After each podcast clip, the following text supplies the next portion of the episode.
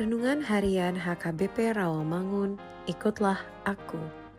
Rabu, 20 April 2022 dengan judul Allah memberikan penolong bagi kita.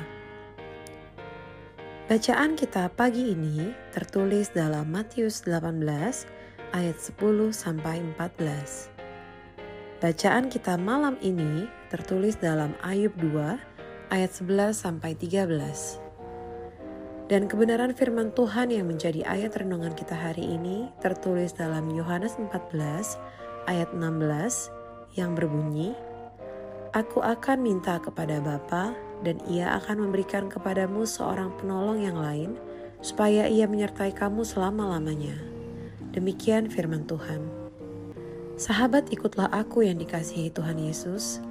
Bagaimana kita bisa agar mendapatkan rasa aman dan ketenangan untuk mendapatkan semua ini, tentu kita memerlukan penolong, penguat, dan pendamping kita agar hidup yang kita lalui senantiasa diteguhkan.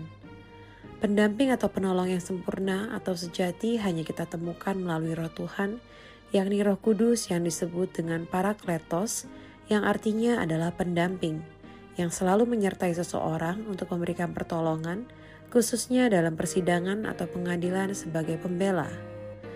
Itulah sebabnya kata penolong dipakai oleh Tuhan Yesus untuk menggambarkan pribadi Roh Kudus bagi kita.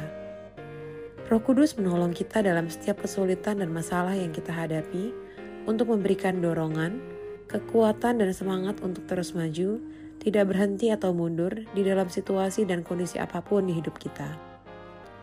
Janji kehadiran Roh Kudus disampaikan sendiri oleh Tuhan Yesus dengan tujuan sebagai penolong dan akan menyertai kita sampai selama-lamanya. Peran Roh Kudus sebagai penolong akan membantu kita dalam segala kesulitan dan pergumulan yang sedang dan akan kita hadapi, sehingga kita senantiasa dikuatkan dalam menghadapinya. Oleh karena itu, kita sebagai orang yang menerima keselamatan dalam Tuhan Yesus, tentu juga menerima penolong yang dijanjikan itu. Untuk itu, janganlah khawatir dan goyah. Serahkanlah semuanya kepada Allah Bapa maka dia akan mencurahkan rohnya memampukan kita. Amin. Marilah kita berdoa. Berikanlah penolong yang sejati kepada kami ya Tuhan, agar kami kuat dalam menjalani kehidupan kami. Amin.